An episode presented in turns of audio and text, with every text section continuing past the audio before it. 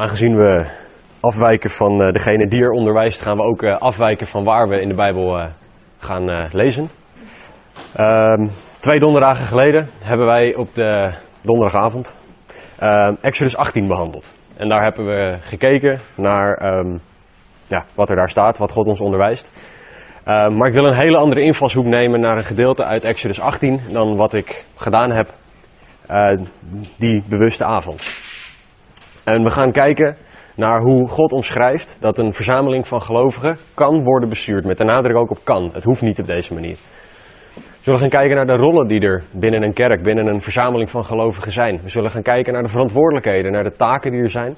En uiteindelijk zullen we gaan kijken, wat betekent dat nou voor ons? Want het is allemaal heel leuk, kan een hele lading informatie geven, maar wat kunnen we er nou mee? Dus, um, zouden jullie de Bijbels open willen slaan op Exodus hoofdstuk 18, voor de mensen met een normale herziene staatvertaling is dat pagina 104. Voor de uh, speciale weet ik het niet. Oké. Laten we beginnen in Exodus 18 vanaf vers 13 en dan lezen we de rest van het hoofdstuk.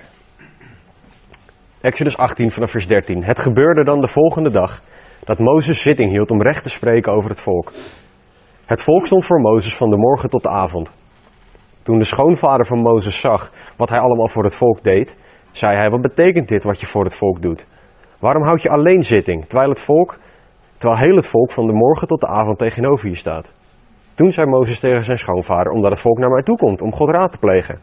Wanneer zij een zaak hebben, komt men daarmee naar mij en oordeel ik tussen de een en de ander. Ik maak hun de verordeningen van God en zijn wetten bekend. Maar de schoonvader van Mozes zei tegen hem, wat je doet is niet goed. Je zult er zeker aan bezwijken, zowel jij als dit volk dat bij je is, want dit is te zwaar voor je. Je kunt dit niet alleen doen.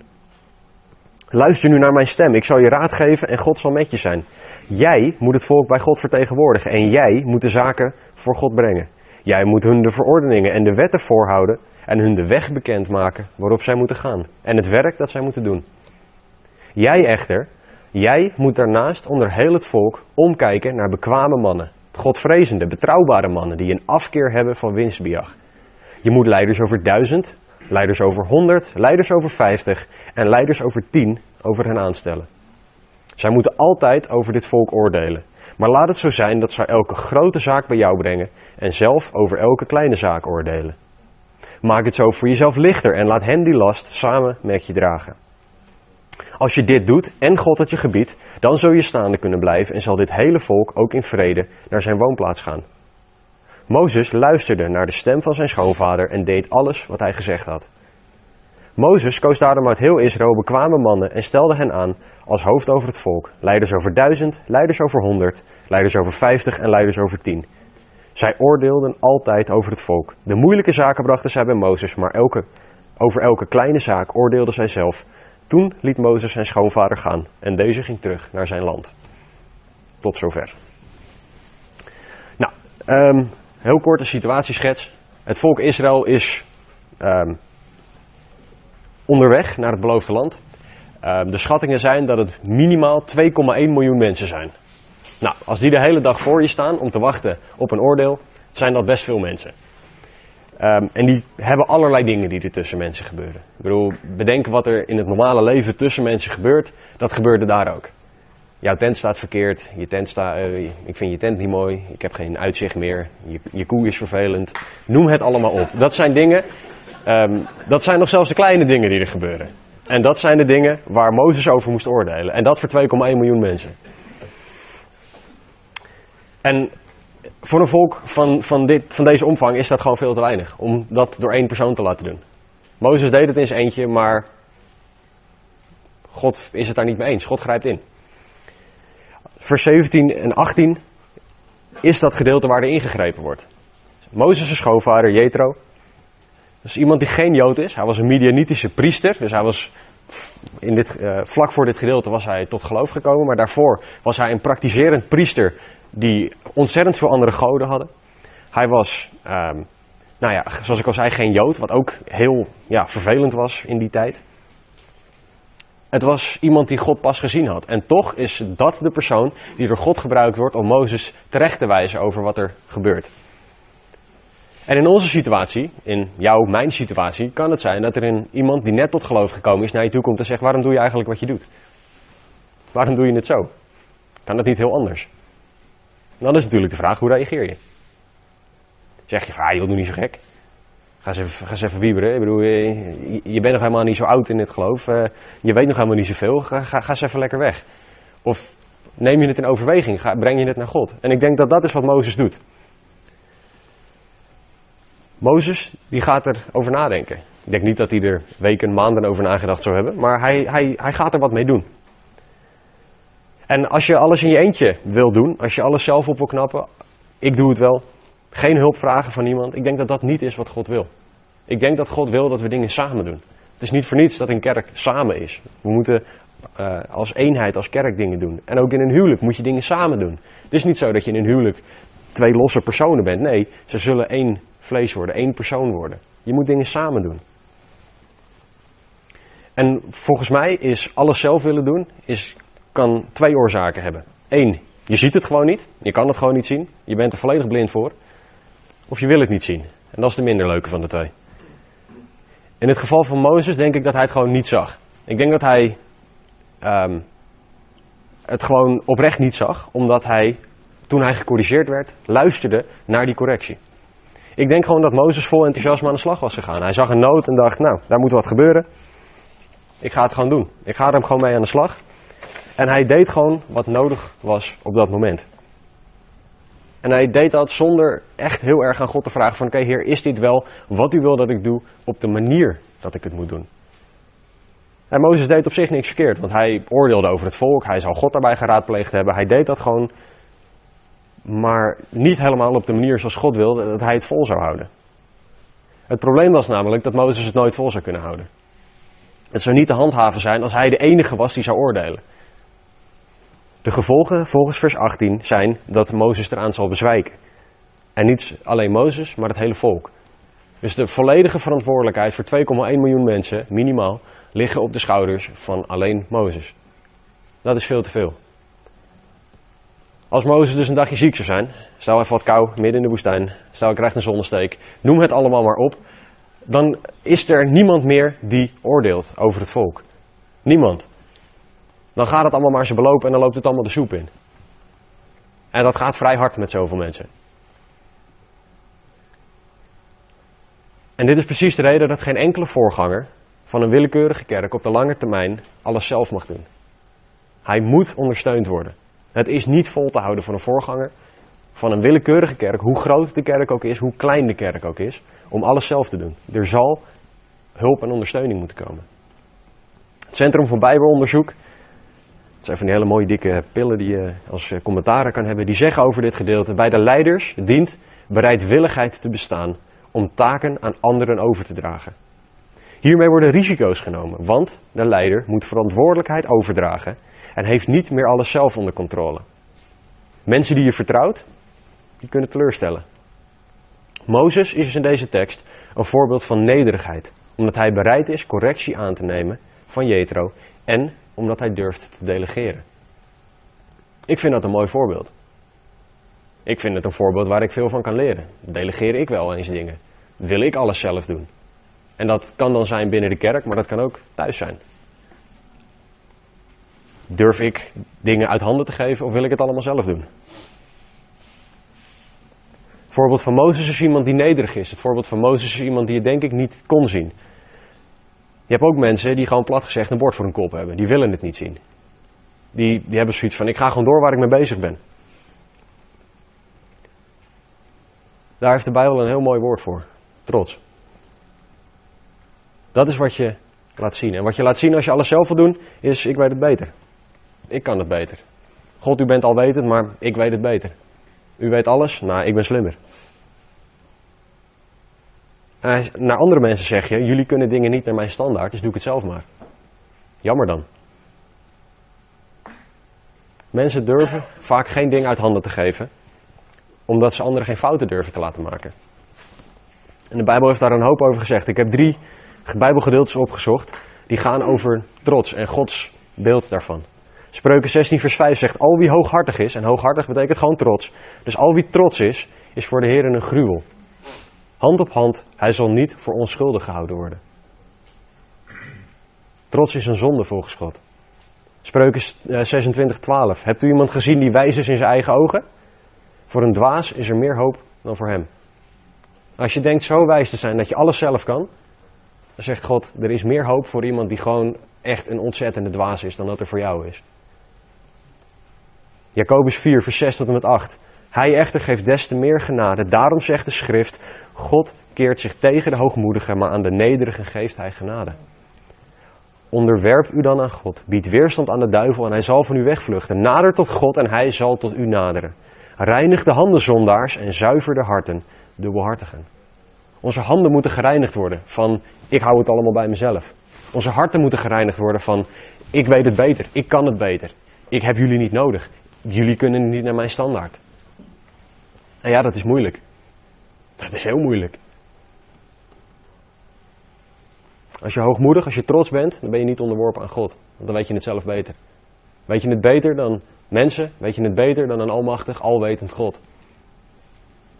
Kijk maar naar de Satan.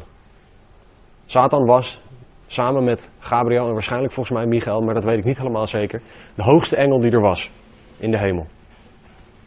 En zijn zonde was trots. Kijk wat er van hem geworden is. Hij is uit de hemel gesodemieterd.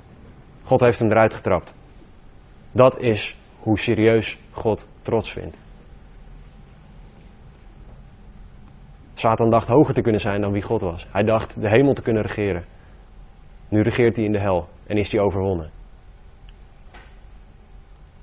Zoals Jacobus 4 zegt, om van trots af te komen zullen wij ons moeten onderwerpen aan God. We zullen gereinigd moeten worden door God. God wil namelijk dat we nederig zijn. Nederig net zoals Jezus. Jezus als almachtig God deed het werk van de laagste slaaf door de voeten te wassen. Je werd vaak nog niet eens een slaaf genoemd. Je was gewoon maar het ding dat de voeten waste in die tijd. Dat was het meest ranzige baantje dat ze voor je konden bedenken. En dat is wat Jezus deed als almachtig God. Dat is hoe God wil dat wij zijn. Nederig, onderworpen aan elkaar. Dingen samen doen. Jezus was en is het ultieme voorbeeld van hoe een christen moet zijn. En daardoor dus ook hoe een leider moet zijn. Jezus heeft het verspreiden van zijn woord heeft hij niet aan engelen gegeven. Hij doet het ook niet zelf. Het is niet dat Jezus op de straathoeken op een zeepkistje staat. Wij moeten op dat zeepkistje staan. Jezus heeft het verspreiden van zijn evangelie aan ons overgegeven. Dat heeft hij aan ons gedelegeerd. Hoe bizar is dat? Bedoel, kijk in de spiegel en vraag jezelf af: ben ik daar nou de perfecte persoon voor? Als ik naar mezelf kijk, ben ik dat zeker weten niet. En toch heeft God dat gedaan. En wat, hoe zit dat bij u, bij jou? We hebben allemaal een blinde vlek in ons, in ons leven, in ons hart, in ons verstand. Gebied in ons hart waarvan we denken dat we zelf de baas over zijn. Dingen dat we niet hoeven te delegeren. Ik, ik, ga een heel stom voorbeeldje geven, maar dat is van mezelf. Iets wat ik, en het, jullie mogen hem uitlachen straks, maar um, ik ben heel, heel precies met kleding. En dan mag je straks aan Amit vragen. Dat is echt, het is op het niet grappige af, mag je ook aan mijn moeder vragen. Het, het, is niet normaal. Ik, ik wil dat mijn overhemden op een bepaalde manier gestreken zijn. Dat vind ik mooi. En nou, noem het allemaal maar op. Ik ben er gewoon heel zeikerig mee. Sorry. Um, ja, jullie mogen lachen hoor, maar. Um, Dank je Stanley, dat doet, doet de mens goed voelen. Um, wat ik niet normaal moeilijk vond, is om Amit een keer voor mij een overhemd te laten strijken. Ik heb bijna met samengeknepen billen op de stoel ernaast gezeten. Omdat ik zoiets had van jongens, gaat dit allemaal wel goed? En dat is een mooi overhemd. En, gaat het, en dat heeft zo en zo overgekocht. En dat, bedoel, het slaat helemaal nergens op. Echt werkelijk niet. Het is kleding. Ik bedoel, kom op. Ik bedoel, alles vergaat behalve de ziel. Maar we hebben allemaal dingetjes. Ik bedoel, bij mij is, was, is het dan dat. Ik moet, ben daar nog nog steeds in aan het leren. Laatst had Amit een trui van mij aangetrokken en ik voelde de, de, alles zo helemaal opborrelen dat ik denk, men, mensenkinderen, wat, wat, is dit man, doe normaal. Dat was echt, ja. Gewoon, we hebben allemaal dingen die we niet durven te delegeren. We hebben allemaal dingen waarvan we denken, nou laat dat maar aan mij over. Dat, ben ik het allerbeste in. Dat hoeft niemand anders voor mij aan te raken. En voor mij is het dan dit tussen aanhalingstekens grappige voorbeeld, maar het heeft geen grappige gevolgen. Ik kan gewoon boos worden om zoiets. Ik kan compleet uit mijn vel springen. Maar we hebben allemaal zoiets. Wat is dat bij jou, bij, bij u, bij jullie? God wil dat we daar op een bepaalde manier mee omgaan. Maar gaan wij daarmee om? Op de manier zoals God wil dat we dat doen? Accepteren wij Gods correctie als Hij ons aanspreekt? Reageren we anders nadat we gecorrigeerd zijn en we weer in zo'n situatie terechtkomen? Of is het van, nou ja, dit, dit, ja, sorry God, u mag aan een hoop zitten, maar hier niet.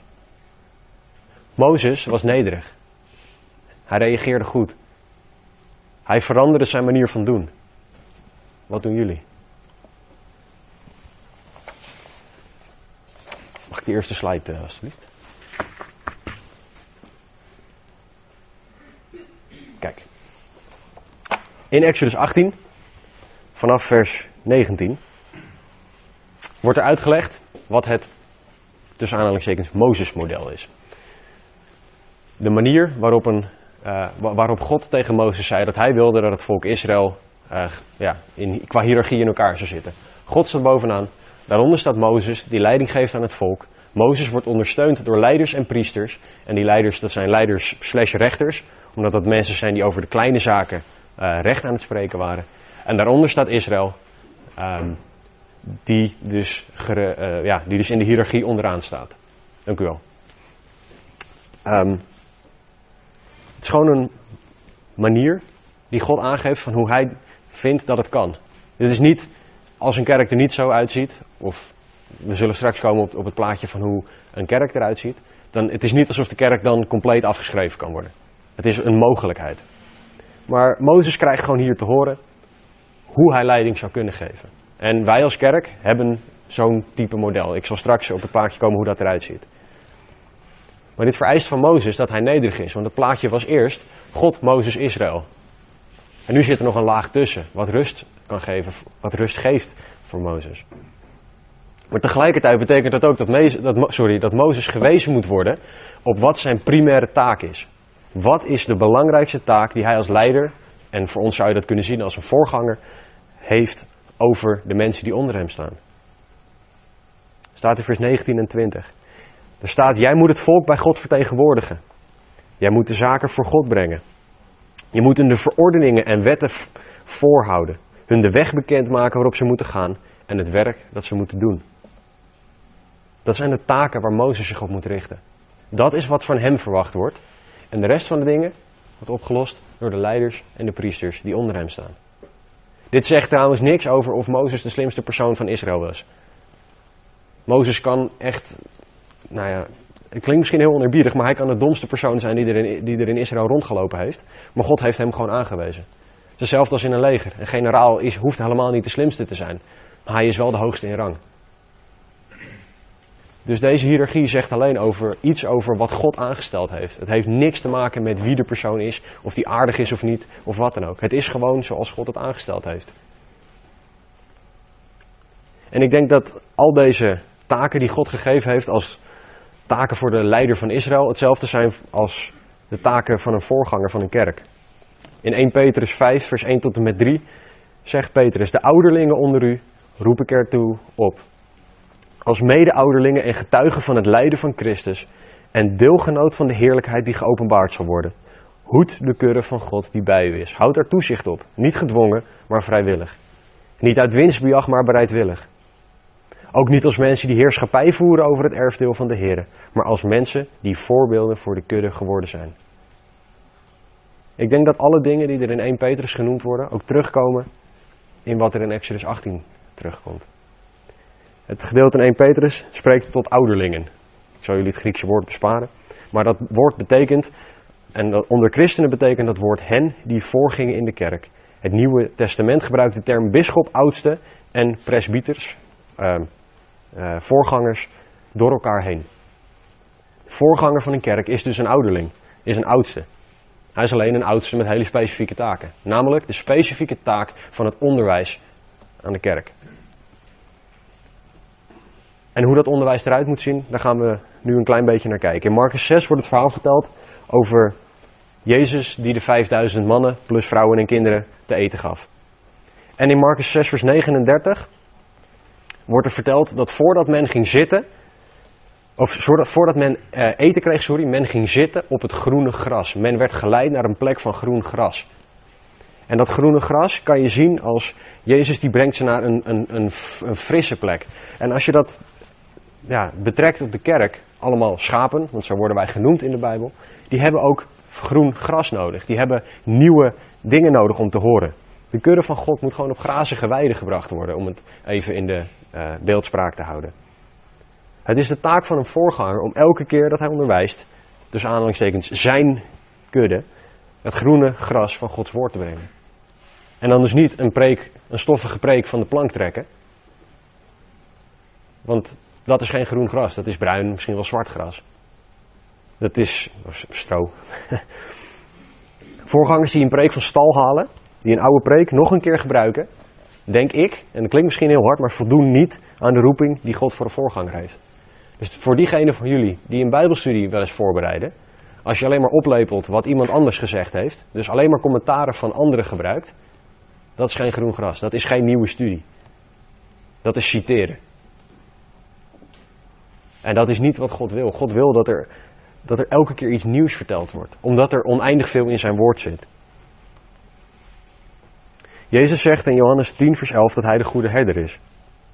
Jezus wil dat voorgangers medeherders zijn. En dit wordt zeer duidelijk in de opdracht die Jezus geeft in Johannes 21. Jezus legt uit in Johannes 21, vers 15 tot en met 17, wat hij verwacht van een onderherder. Wat hij verwacht van een voorganger van een kerk. En ik denk ook dat dit heel letterlijk samenvat wat um, Mozes opgedragen wordt in Exodus 18. Johannes 21, vers 15 tot en met 17 zegt: Toen zij dan de middagmaaltijd gebruikt hadden, zei Jezus tegen Simon Petrus: Simon, zoon van Jona, hebt u mij meer lief dan deze? Hij zei tegen hem: Ja, heren, u weet dat ik van u houd. Hij zei tegen hem: Wijd mijn lammeren. Hij zei opnieuw tegen hem voor de tweede keer: Simon, zoon van Jona, hebt u mij lief? Hij zei tegen hem: Ja, heren, u weet dat ik van u houd. Hij zei tegen hem: Hoed mijn schapen. Hij zei voor de derde keer tegen hem: Simon, zoon van Jona, houdt u van mij. En Petrus werd bedroefd, omdat hij voor de derde keer tegen hem zei: Houdt u van mij. En hij zei tegen hem: Heere, u weet alle dingen. U weet dat ik van u houd. En Jezus zei tegen hem: Wijd mijn schapen. Jezus draagt hier drie verschillende dingen op: het weiden van lammeren, hoeden van schapen en het weiden van schapen. Het klinkt allemaal heel gelijk. En ze liggen ook wel heel dicht bij elkaar, maar er zitten toch verschillen in. Wat Jezus hier opdraagt, zijn dingen die een hele grote verantwoordelijkheid met zich meebrengen. Het is niet niks om de taak van voorganger te hebben. Om het ambt van voorganger te bekleden. Als eerste begint Jezus met Petrus op te dragen om zijn lammeren te weiden. Weiden betekent gewoon voeden en bewaken. Die twee dingen horen daarbij. En Petrus wordt gewoon opgedragen door Jezus om te zorgen voor de lammeren. Om te zorgen dat ze goed gevoede lammeren zijn. Dus niet van die scharminkeltjes. Op de avondmaaldoos die wij hebben, dat is een blauwe doos. Daar staat een plaatje van een schaap op met Calvary Chapel.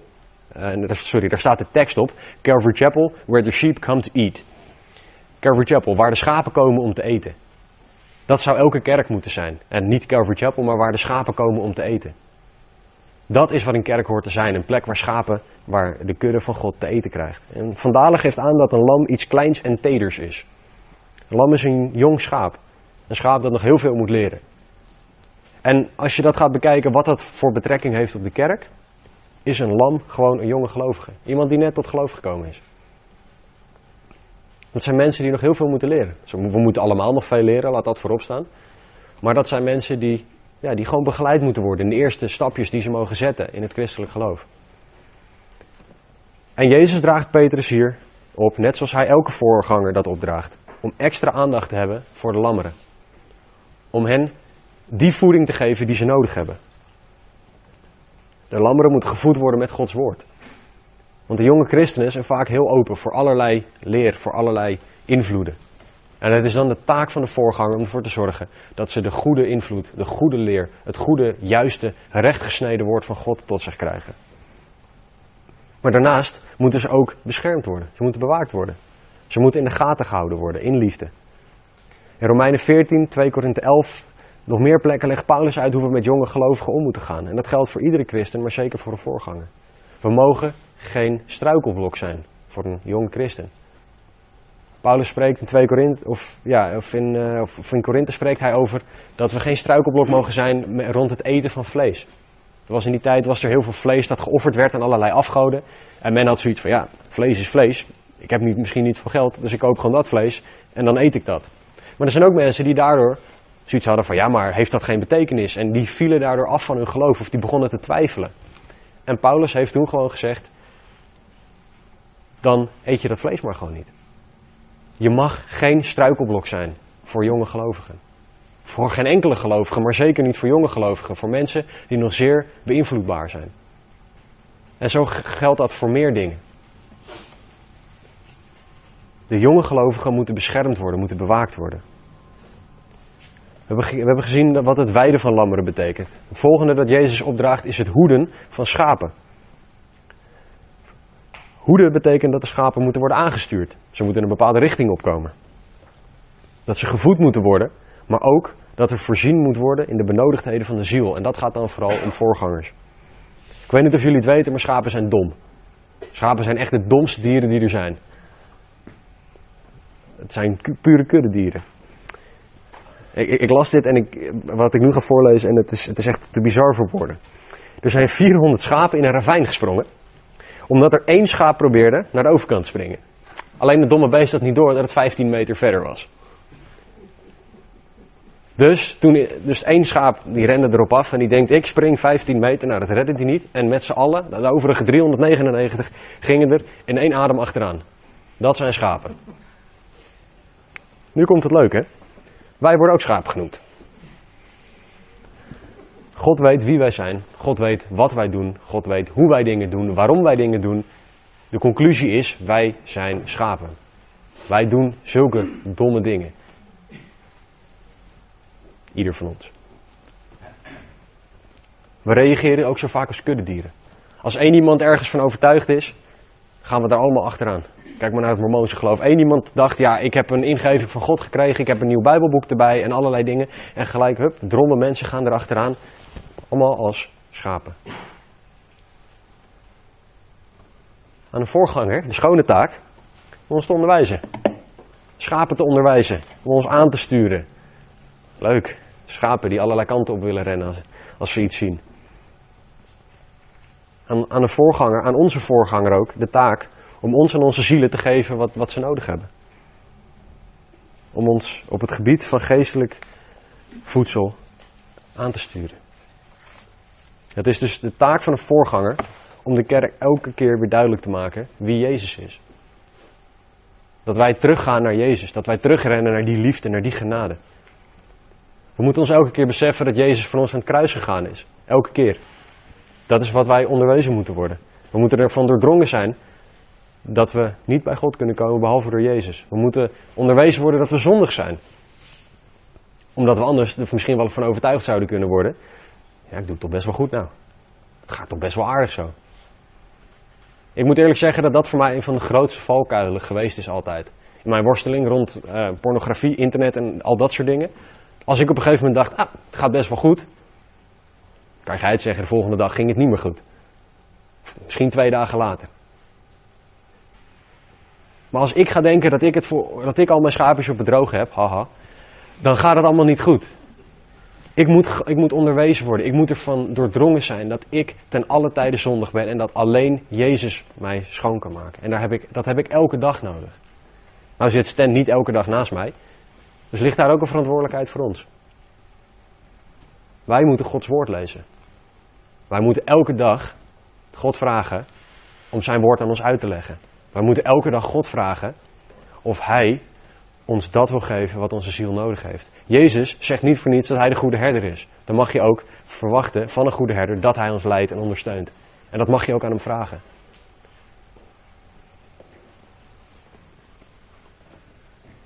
Het zijn een hoop dingen die ik nu gezegd heb en dat is een taak die niet voor heel veel mensen is weggelegd. Als voorganger sta je in de frontlinie van geestelijke strijd. Ik bedoel, in de strijd tegen IS, die islamitische staat. Wie is de persoon die ze proberen om te leggen? Amerika en alle mensen eromheen. De leider. Zo gaat dat ook in de geestelijke strijd. Satan zal proberen om de voorganger als eerste aan te pakken. Om die onderuit te schoffelen. Om die op zijn knieën te krijgen, maar dan voor de verkeerde persoon. Als voorganger krijg je alle problemen van mensen te horen. Vaak krijg je niet alleen maar alle leuke dingen te horen. Je hebt ook geen 8 tot 5 baan. 40 uur in de week. Nou ja, dat is uh, ongeveer de helft, denk ik. Mensen bellen je in de midden, in de midden in de nacht als ze denken dat ze je nodig hebben. Iedereen heeft een verwachting van de voorganger. Iedereen heeft een mening over de voorganger. Spreken zijn te lang. Spreken zijn te kort. Spreken zijn te persoonlijk. Spreken gaan te diep. Spreken zijn niet diep genoeg. Zijn haar zit niet mooi. Hij heeft geen haar. Ga allemaal zomaar door. Maar jullie begrijpen mijn punt. Er is altijd iets aan te merken op de voorganger. Tenminste, vinden de meeste mensen. Prijs de Heer dat er dan mensen zijn die dit ambt willen vervullen. Het zou toch redelijk vervelend zijn als er niemand was die het zou willen doen. Hoe vaak prijzen jullie de Heer voor de voorganger die wij hebben? Hoe vaak danken jullie God dat Stan en Marnie voorganger en voorgangersvrouw zijn die een voorbeeld aan ons geven? Hoe vaak bidden jullie voor hen? Gewoon überhaupt. Hoe vaak denken jullie aan hen? Ik vind dat voor mezelf hele lastige vragen. Ik sta dan redelijk dicht bij hen, gewoon omdat het goede vrienden van, ons, van mij, van ons zijn. En ik, was echt, ik werd echt geconfronteerd hiermee van hoe vaak denk ik nou echt aan hen? Hoe vaak bid ik nou echt voor hen? Bid ik voor hun gezin? Als laatste zegt Jezus tegen Petrus in Johannes 21 dat hij de schapen van God moet weiden. Dus weer dat woord weiden, dat betekent gewoon dat de kerk gevoed moet worden. Dat de kerk bewaakt moet worden. Het is de taak van de voorganger en zijn mede-oudsten, en de mede-oudsten, daar komen we, komen nog op terug. Om de kerk te bewaken tegen invallen en aanvallen van de Satan. We hebben een uh, tijdje geleden een preek van Kobus gehad.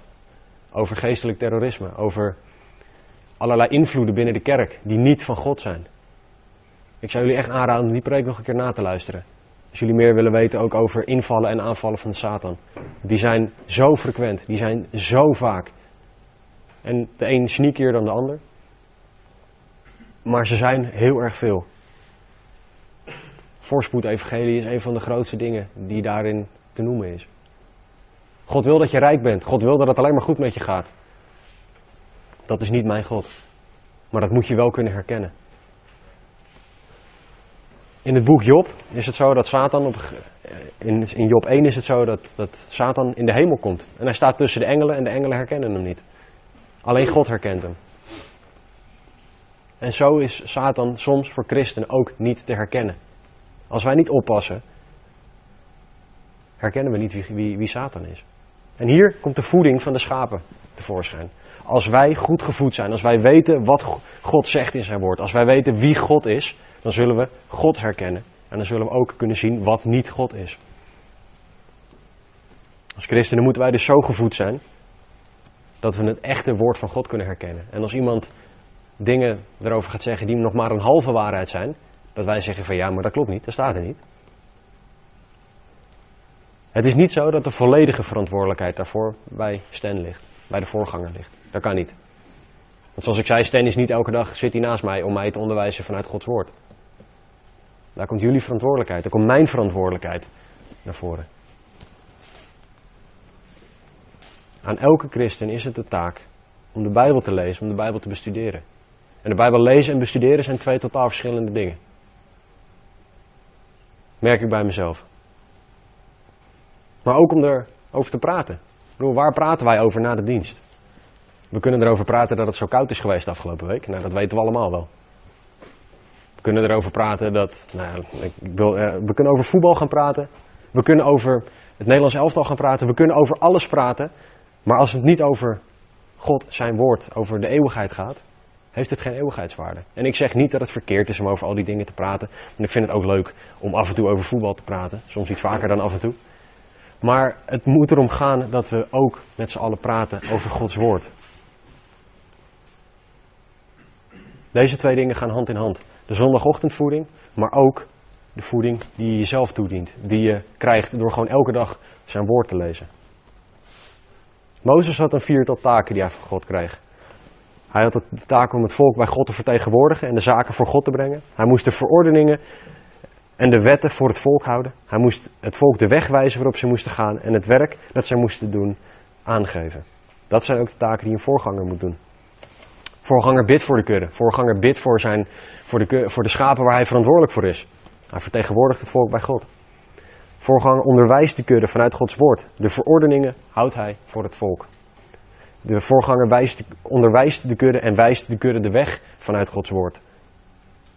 De voorganger wijst de kudde op het werk dat ze moeten doen vanuit Gods woord. Het zijn letterlijk de dingen die Mozes ook moest doen. Alleen dan voor de voorganger. En God neemt de taak van voorganger heel serieus. Ik weet niet of jullie dat wel eens onderzocht hebben. Sta je, sla je stijl van achterover als je ziet wat God voor eisen stelt aan een voorganger. De eisen die God stelt aan een oudste. 1 Timotheus 3, Titus 1. Ik zou het eens doorlezen. Ik zou echt opschrijven om die door te lezen. Maar dan nu, heel leuk, Casper, leuk dat je dit zegt. Hele hoop informatie, maar wat kunnen wij er nou mee? Galaten 6:6. Laat hij die onderwezen wordt in het woord, in alle goede dingen delen met hem die onderwijs geeft. Bedank Stan. En hoeft niet elke zondag, maar af en toe bedank hem gewoon voor wat hij doet. Als de preek aanspreekt, hoef je niet het diepste van je ziel te laten zien door tegen hem te zeggen wat het precies was. Maar je kan wel zeggen van, hé hey Stan, dank je wel. Preek heeft me aangesproken. Het is echt fijn om dat af en toe te horen. En dan niet van, nou, kijk eens wat ik dat goed gedaan heb. Maar het is goed om, om Gods werk te horen. Dat is een van de redenen waarom we ook getuigenissen horen van mensen. Omdat je dan hoort wat God aan het doen is. Marnie kon afgelopen donderdag zo gepassioneerd vertellen over het werk dat zij in andere mensen zag. Ze kon zo enthousiast vertellen over dat God zijn hand aan het bewegen was door de kerk heen. Dat kan alleen als je ook hoort van mensen dat God dingen aan het doen is. Anders is het een vrij stille boel. Dus vertel dat af en toe. En de Bijbel draagt het ons zelfs op. 1 Thessalonicense 5, vers 12 en 13. Wij vragen u, broeders, hen te erkennen die onder u arbeiden, u leiding geven in de Heer en u terechtwijzen. En hen uitermate hoog te achten in liefde om hun werk, leef in vrede met elkaar. Voorganger moet uitermate hoog geacht worden. Dat betekent niet dat we allemaal op onze knietjes moeten gaan als Stan voorbij loopt. Dat we hem met u, meneer de voorganger, aan moeten spreken. Of enigszins iets in die richting. Maar je moet wel respect voor hem hebben. Je moet naar hem luisteren. Als Stan iets zegt, dan moet je er ook van uitgaan dat God ook tot hem spreekt. Als hij iets zegt van ga op je hoofd staan, ja, dan kan je ook zeggen ja, doe het lekker zelf. Maar als hij iets zegt wat uit Gods woord komt en je toetst het aan Gods woord en het is waar, dan mag je er toch van uitgaan dat God ook tot hem gesproken heeft om dat ook tot jou te spreken. Neem je het van hem aan of niet? 1 Timotheus 5 vers 17. Laat ouderlingen die goed leiding geven, dubbele eer waard geacht worden. Vooral degenen die arbeiden in het woord en in de leer. Ze worden dubbele eer waard geacht. Dat is hoe God hen ziet. Hoe zie jij je voorganger? Is het een voetweeg? Is iemand van, nou ja, het is dat hij er staat, maar we kunnen ook zonder hem. Of heb je veel respect voor hem? Hoe ga je met hem om? Het zijn slechts een paar versen. Die gaan over hoe wij om horen te gaan met een voorganger. Dus de oproep aan jullie is bid voor hem. Bid gewoon voor hem. Dus gewoon aan de ene kant bidden, maar tegelijkertijd ook of u hem kunt zegenen op een of andere manier. En dat kan praktisch zijn, dat kan ook geestelijk zijn, dat maakt allemaal niet uit. Het kan gewoon zijn dat God een keer van, van jullie vraagt om ze uit te nodigen om een keer een avondje te komen eten. Het is niet zo alsof Stan alleen, en Marnie alleen maar hele uh, vijf gangen diners naar binnen willen werken. Ze zijn ook echt wel tevreden met gewoon een keer een kommetje soep. Maar het is gewoon leuk om een keer met ze te eten. Om tijd met ze door te brengen. Nodig ze daarvoor ook uit. Het is niet dat ze hoog verheven zijn, waardoor ze dat niet kunnen doen. Net zoals Stan voor ons zorgt, horen wij als kerk ook voor hem en zijn gezin te zorgen. Dat is wat wij als kerk, en daar reken ik mezelf ook onder, richting onze voorganger mogen en moeten doen. We hebben het nu gehad over de voorganger. Mozes krijgt de opdracht van God om het niet alleen te doen. Hij hij krijgt de opdracht om op zoek te gaan naar mannen die hem zullen ondersteunen in de taken die nodig zijn. In dit geval gaat het dan vooral om rechtspreken. En alles wat ik net genoemd heb, wat de taken van de voorganger zijn, gaat eigenlijk alleen nog maar over de geestelijke zaken. Over het geestelijk werk dat bij het kerkleven hoort. Dat zegt nog helemaal niks over alle praktische dingen die er moeten gebeuren. In een ideale situatie, en dus dit is heel erg, uh, ja, uh, nou, er zijn kerken waar de voorganger s ochtends op zondagochtend aankomt, die doet een preek en die loopt weer weg en de rest gebeurt door de rest van de kerk. Nou denk ik niet dat dat de manier is waarop het hoort, want dan heb je niet de voorganger die het goede voorbeeld geeft. Maar het is wel zo dat je in een ideale situatie een voorganger hebt die zich alleen bezig hoeft te houden met alle geestelijke zaken. Die zich alleen bezig hoeft te houden met het onderwijzen van het woord, met het afspraken maken met mensen om ze pastorale hulp te verlenen. Al dat soort dingen. En dat de voorganger zich niet bezig hoeft te houden met het aanbiddingsteam, de zondagschool, de crash, het opbouwen op de zondagochtend, de financiën. Ga allemaal maar door over wat er allemaal moet gebeuren binnen een kerk. Voor die dingen allemaal zijn er de oudsten van de kerk, diakenen, assistent-voorgangers. Allemaal taken die er ook in de Bijbel genoemd worden. Nou is het niet zo dat als je die titel niet hebt, dat je die taak maar gewoon moet laten vallen omdat je die titel niet hebt. Maar het, dat is wel waar een kerk, naar, waar wij als kerk ook naartoe willen gaan. Ik kan niet zeggen op welke termijn dat is. Maar deze kerk is ook bezig. We zijn gewoon aan het kijken van oké heer, wat is uw weg hierin?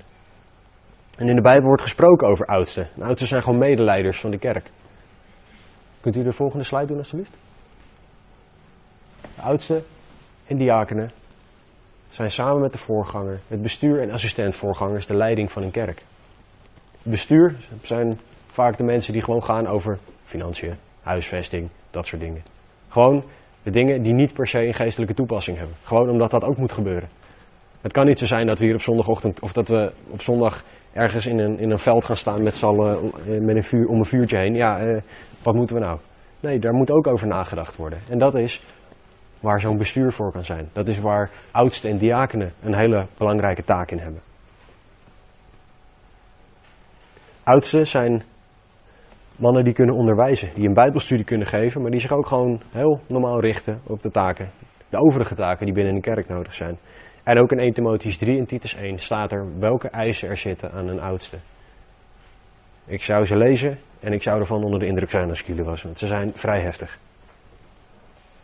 De oudsten zullen zich richten op het ondersteunen van de voorganger. Het goed laten draaien van de kerk en dan vooral qua bestuur. Gewoon zodat de voorganger kan doen waarvoor hij door God is aangesteld. Maar tegelijkertijd zijn de geestelijke taken van oudsten net zo belangrijk. Ik heb hier een viertal uh, plekken in de Bijbel waar er over oudsten gesproken wordt en hun taken. Handelingen 15 worden de oudsten van de kerk in Jeruzalem gevraagd in om te helpen in een situatie tussen twee leden van de kerk. Gewoon een conflict tussen twee mensen en daar mogen de oudsten van de kerk helpen. Jacobus 5 worden de oudsten opgeroepen om te bidden voor de zieken. Ze mogen de handen opleggen. En uh, dat is een van de dingen die ze mogen doen. 1 Petrus 5 worden de oudsten opgeroepen om een voorbeeld te zijn in alles. Dat is nog eens een leuke. Wees een voorbeeld in alles. Dat is heel moeilijk. Dus ze moeten juist ook in de geestelijke zaken een voorbeeld zijn. Oudsten moeten mensen zijn die, in een, die zelf de Bijbel lezen, die zelf praten over geestelijke dingen, die niet alleen maar bezig zijn met alles behalve God. Daar moeten ze een voorbeeld in zijn. In woord en in daad. Handelingen 6 geeft aan dat oudsten ook mannen van gebed moeten zijn. Ze moeten de kerk dragen in gebed. Dat is me wat. Ik ging mezelf laatst afvragen, hoeveel bid ik nou eigenlijk? Ik schrok van mezelf. En niet omdat ik oudste ben, maar gewoon omdat ik me afvroeg, hoeveel bid ik nou eigenlijk? Als de kerk gedragen moet worden in gebed, wie doen dat? Doe ik dat? Ik schrok. Er zijn een aantal dingen die, die ik opnoemde, die horen bij het ambt van een oudste. En de oudsten zijn samen met de diakenen de leiders over duizend, leiders over honderd, leiders over vijftig en leiders over tien, waar in Exodus 18, vers 21 over gesproken wordt. En het woord diaken, om de tweede taak te noemen naast oudste, dat is allemaal een mooie. Die het woord diaken betekent door het vuil. Wie wil er nog diaken worden? Het zijn dienstbare leiders van de kerk. De eerste diakenen werden gekozen in Handelingen 6. Dat zijn mannen van wie men een goed getuigenis geeft, vol van de Heilige Geest en vol van wijsheid. Handelingen 6, vers 3. Deze mannen werden gewoon aangesteld om hele praktische dingen te doen. En dat waren dingen waar de oudsten niet aan toe kwamen, waar de voorganger van de kerk op dat moment niet aan toe kwam. In het geval van Handelingen 6 ging het om, praktisch, om het praktisch ontlasten van de oudsten op het gebied van uitdelen van eten. En wat was de conclusie van, van de oudsten in Handelingen 6, vers 4? Wij echter zullen volharden in het gebed en in de bediening van het woord. Dat is waar de oudsten, dat is waar de voorgangers zich het liefst primair mee bezig moeten houden. En als het moet, gaan ze zich ook gewoon uh, heel praktisch gezien nuttig maken. Maar het liefst heb je dat dat kan. Voor zowel oudsten als diaken geldt, net zoals de mannen in Exodus 18, deze mannen bekwaam, godvrezend, betrouwbaar en niet uit op winst moeten zijn. Exodus 1 komt hierin volledig overeen met Titus 1 en 1 Timotheus 3. Leg het maar bij elkaar. Ik zou wel eens van jullie willen horen of jullie er een verschil in kunnen vinden. Mogen jullie me altijd bellen. Als we naar vers 24 tot en met 27 kijken van Exodus 18, dan zien we daar de uitwerking van wat er ingesteld wordt. Er staat, Mozes luisterde naar de stem van zijn schoonvader en deed alles wat hij gezegd had. Mozes koos daarom uit heel Israël bekwame, bekwame mannen en stelde hen aan als hoofd over het volk. Leiders over duizend, leiders over honderd. Leiders over vijftig, leiders over tien. Zij oordeelden over het volk. De moeilijke zaken brachten zij met Mozes. Maar over elke kleine zaak oordeelde zij zelf. En toen liet Mozes zijn schoonvader gaan. Mozes doet gewoon wat tegen hem gezegd werd. En het werkt. Het draait. Het gebeurt. Mozes heeft het minder zwaar. Alle zaken worden alsnog afgehandeld. Iedereen is blij. Centrum voor Bijbelonderzoek heeft hierover gezegd. Dit gedeelte bevat een indringende boodschap op het terrein van geestelijk leiderschap. Krachtige mensen die leven in afhankelijkheid van God worden uitgekozen om werk in de gemeente te vervullen. Wanneer ze dit doen, zal er vrede zijn binnen de gemeenschap en door hun bijstand raken de leiders niet uitgeput. Als dit niet gebeurd was, was Mozes eraan onderdoor gegaan en had het volk was in complete chaos terechtgekomen. Was Israël in complete chaos terechtgekomen. Als deze kerk alleen Stan als leider had, zou het heel snel voorbij zijn. Zou heel snel voorbij zijn.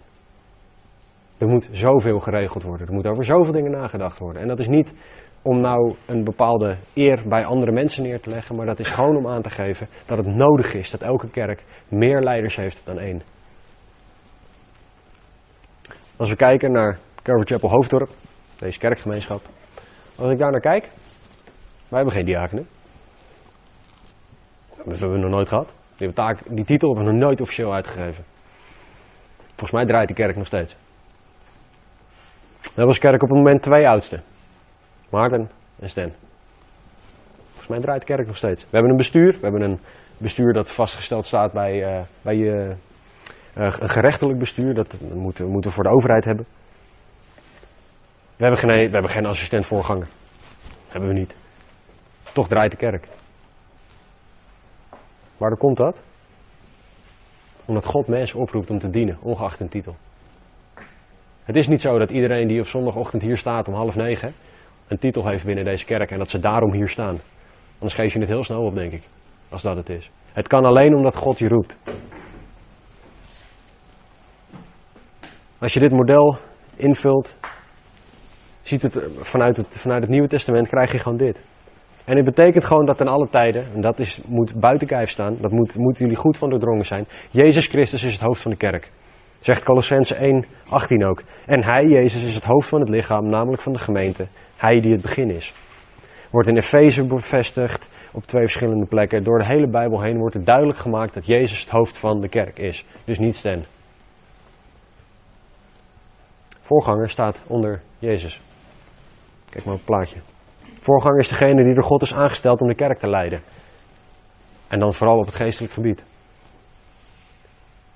Maar dit leiden moet in complete afhankelijkheid van Jezus gaan. De kerk moet ook het vertrouwen hebben dat God spreekt in en door een voorganger. Anders, ja. Wie, wat, doet Sten daar dan nog? Dit betekent echter niet dat de voorganger alles zelf beslist. Het is niet zo dat Sten uh, op een avondje er zit en die denkt: oh ja, we moeten nog wat doen, nou ja, dan maak ik maar even die en die beslissing. Zo gaat dat helemaal niet. Dat kan ook helemaal niet, omdat we hebben met veel te veel mensen te maken. Hij kan niet in zijn eentje alle beslissingen nemen. Er zijn weinig beslissingen die Stan in zijn eentje neemt.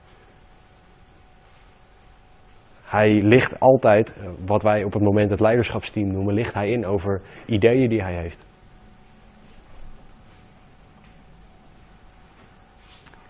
Om de voorganger te helpen en te ondersteunen, maar ook om zijn ideeën tegenaan te houden. Dus gewoon van jongens, wat denken jullie hierover?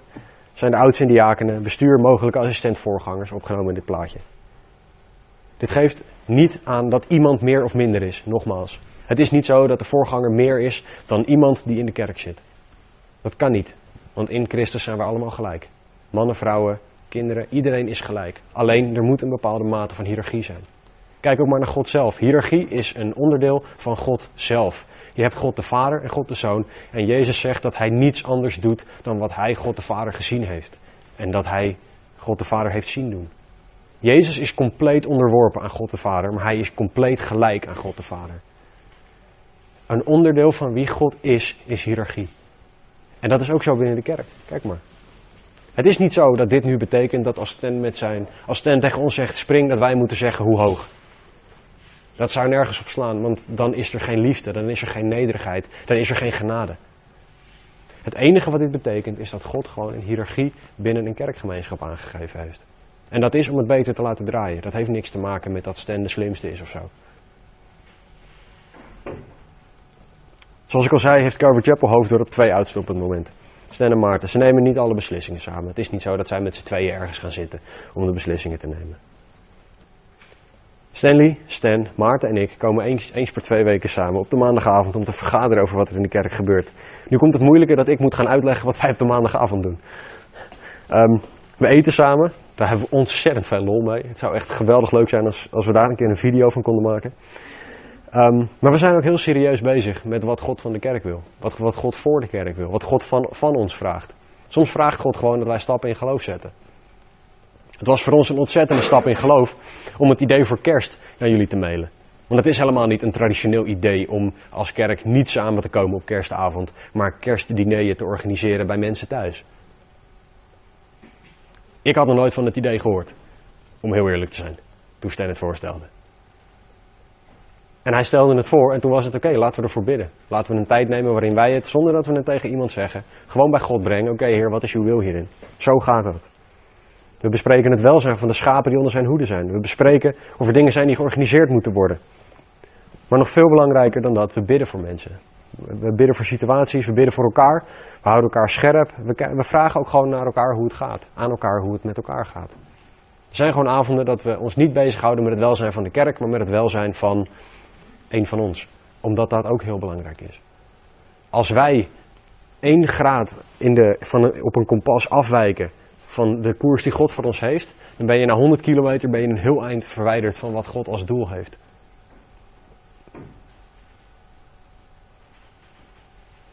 We zijn ook heel positief kritisch naar elkaar. Als in, het is niet zo dat wij alleen maar alles aannemen wat er gezegd wordt door de ander. We, we kijken heel kritisch naar ideeën. We zijn ook heel kritisch geweest op het idee over het kerstdiner. Op deze manier. Want we hadden zoiets van, ja, het ging toch hartstikke goed vorig jaar. Het was een superleuke avond met het kerstdiner hier. Het was echt, ik heb er ontzettend van genoten. En toen het voorstel kwam, hebben we er heel kritisch naar gekeken. Gewoon van, ja, oké, hallo, eh, is dit wel wat God wil? En uiteindelijk zijn we tot die conclusie gekomen. We bidden voor elk idee dat er geopperd wordt. We bidden voor elke keuze die we moeten gaan maken. Want we willen dat we Gods keuze maken. Nou, jullie hebben dus nu een organisatiemodel, jullie hebben een hele hoop informatie. Wat betekent dit nou voor ons? Het is echt voornamelijk de vraag om gebed. En dan, ik heb al gezegd, bid voor de voorganger, maar bid ook voor de huidige leiders, bid voor nieuwe leiders. Bid dat God leiders zal brengen. En een oudste is niet iemand die vanochtend voor het eerst de deur binnengelopen is en zegt dat hij oudste wil worden en volgende week dan oudste uh, zal worden. Een oudste moet aan heel veel eisen voldoen. Een oudste is iemand die heel natuurlijk in die rol moet komen. Het moet gewoon zo zijn van, ja, het is eigenlijk heel logisch dat die persoon oudste wordt. Want nou ja, hij doet het al. Dus het is alleen nog maar het bevestigen van, het, van wat die persoon al doet. Hetzelfde met een diaken. Bid God dat Hij ons mensen zal geven. Oudste, diaken, assistent, voorgangers. Alles wat God wil dat wij hebben. Maar dat zijn mensen die ook nodig zijn om een kerk te laten groeien. Ik had het er laatst met Stan over. Als er nu 100 man extra door die deur binnen zou lopen, zouden wij dat niet aankunnen.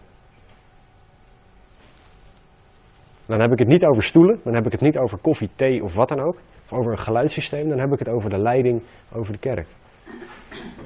We hebben geen manier op het moment met de huidige hoeveelheid leiders die we hebben, om die mensen allemaal persoonlijk te kunnen benaderen. Allemaal persoonlijk aan te kunnen spreken. Om ervoor te zorgen dat iedereen zich gekend voelt in de kerk. Dat het geen je kan opgaan in de massa idee wordt. Dat kan nu niet. Bid God dat Hij ons leiders naar zijn hart geeft. Leiders die opbouwen, leiders die God als allerhoogste prioriteit in hun leven hebben. Bid alsjeblieft ook voor nederigheid, open oren, gevoeligheid voor de leiding van de Heilige Geest voor het huidige leiderschapsteam.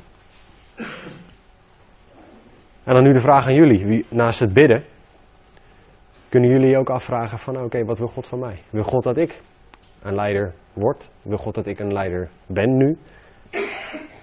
Vraag God wat zijn wil is.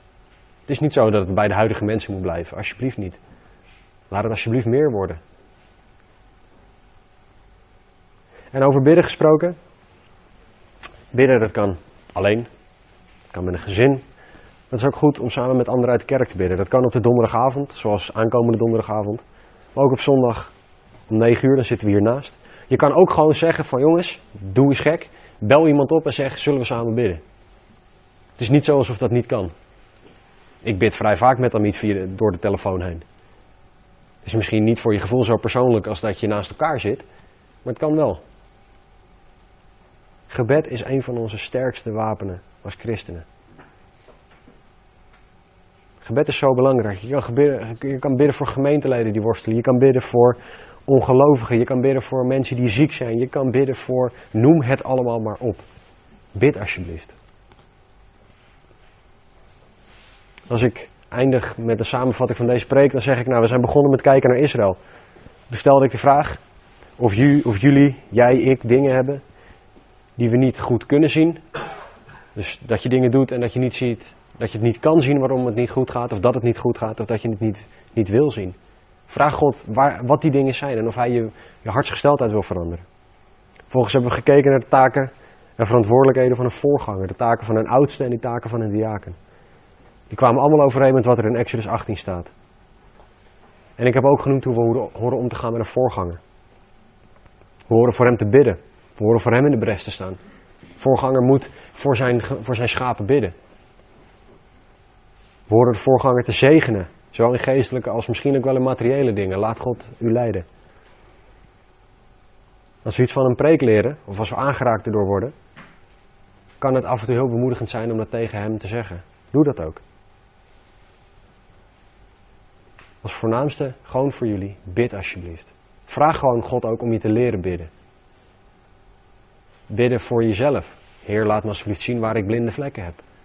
Bidden voor mensen om je heen, voor ongelovigen. Bidden voor de kerk. Bidden voor financiën. Bidden voor. Noem het allemaal maar op. Ga bidden alsjeblieft. We moeten als individu bidden, maar we moeten ook als kerk bidden. Ik wil deze dienst eigenlijk eindigen met een tijd van open gebed. En wat ik daarmee bedoel is, ik zal openen en daarna zal ik stilvallen. Ik zal nog geen amen zeggen, zodat er ogen open gaan en zo. Maar laten we gewoon een paar minuten nemen om gewoon te bidden. Bid hardop, bid in, je, bid in jezelf mee. Maar laten we gewoon bidden voor voorganger, bidden voor de kerk, bidden voor wat er ook in je opkomt. Laten we God zoeken. Vader God, dank u wel dat u in uw woord zegt dat op het moment dat wij u zoeken, dat u uzelf laat vinden. Dat als wij kloppen, dat u open doet. Dank u wel dat we niet hoeven te vragen of u hier aanwezig wil zijn, want u bent hier. Dank u wel dat we mogen bidden. Dank u wel voor dat voorrecht. Leer ons alsjeblieft wat het is om te bidden. Om te bidden voor een voorganger, om te bidden voor een kerk, om te bidden voor mensen om ons heen. We hebben u zo hard nodig. Help ons alsjeblieft als kerk om ook te samen te bidden. Help ons alsjeblieft om u te zoeken in alles wat we doen. Zegen het leiderschapsteam alsjeblieft. Waar u weet Alle dingen die er op ons afgekomen zijn, alle dingen die er nog op ons af gaan komen. En ik wil u danken dat u ons altijd geleid hebt. Ik wil u danken dat u deze kerk altijd geleid hebt. Doe, ga er alsjeblieft mee door. Doe dat alsjeblieft gewoon net zo duidelijk als dat u gedaan hebt. Laat alsjeblieft nieuwe leiders opstaan. Vader, alle dingen die u vindt dat er nodig zijn binnen deze kerk, doe die alsjeblieft. Heilige God, wij zijn niet van onszelf, wij zijn uw kerk. Dank u wel. Vader, ik wil u danken dat u zo groot bent, zo liefdevol, zo genadig. Ik wil u vragen om ons deze week te zegenen. Ik wil u vragen om ons te helpen om uw wil te doen, elke dag. Ik wil u vragen om ons elke dag te helpen om uw woord te lezen. Help ons alsjeblieft om elke dag te bidden. En dan niet alleen voor onszelf, maar gewoon voor de dingen waarvoor u wil dat wij bidden. Openbaar uw woord alsjeblieft, openbaar uzelf alsjeblieft. Leer ons alsjeblieft meer wie u bent. Vader, niet vanwege ons, maar vanwege u. Vader, want u bent zo groot, zo geweldig om te leren kennen. Ik wil u vragen om gewoon uzelf zo duidelijk aan ons te geven dat wij niet om u heen kunnen. Zegen onze week alsjeblieft, ook al hebben we een hele drukke, lastige, zware, moeilijke week voor de boeg. Al hebben we een hele mooie, rustige, relaxte week voor de boeg. Geef ons alsjeblieft alles wat we nodig hebben, ook al zien we het misschien niet zitten. Breng ons alsjeblieft rust. Waar een rust die alle verstand te boven gaat. Vader, alle dingen die wij zelf niet van onszelf hebben. En alle dingen, die we, alle dingen waarvan we denken dat we het zelf kunnen. Doe die alsjeblieft voor ons, door ons. Breek alsjeblieft af in ons wat er afgebroken moet worden. Bouw alsjeblieft op, wat er opgebouwd moet worden. Dank u wel dat u zo'n groot God bent, dat u zelfs bezighoudt met hoe u wil dat uw schapen geleid worden. En dat u er rekening mee houdt hoe dom wij zijn, hoe stom wij kunnen zijn. En dat u daarvoor mensen aanstelt. Vader God, help ons alstublieft om deze week u beter te leren kennen. Vader, dat kan alleen in en door uw naam. In de almachtige naam van Jezus Christus bidden wij. Amen. Dank jullie wel. Zoals elke week uh, is er uh, koffie en thee. Wees lief voor elkaar. Heb gesprekken met elkaar over God. Wees daar heel bewust in alsjeblieft. En geef God de eer die hem toekomt deze week. Gezegende week.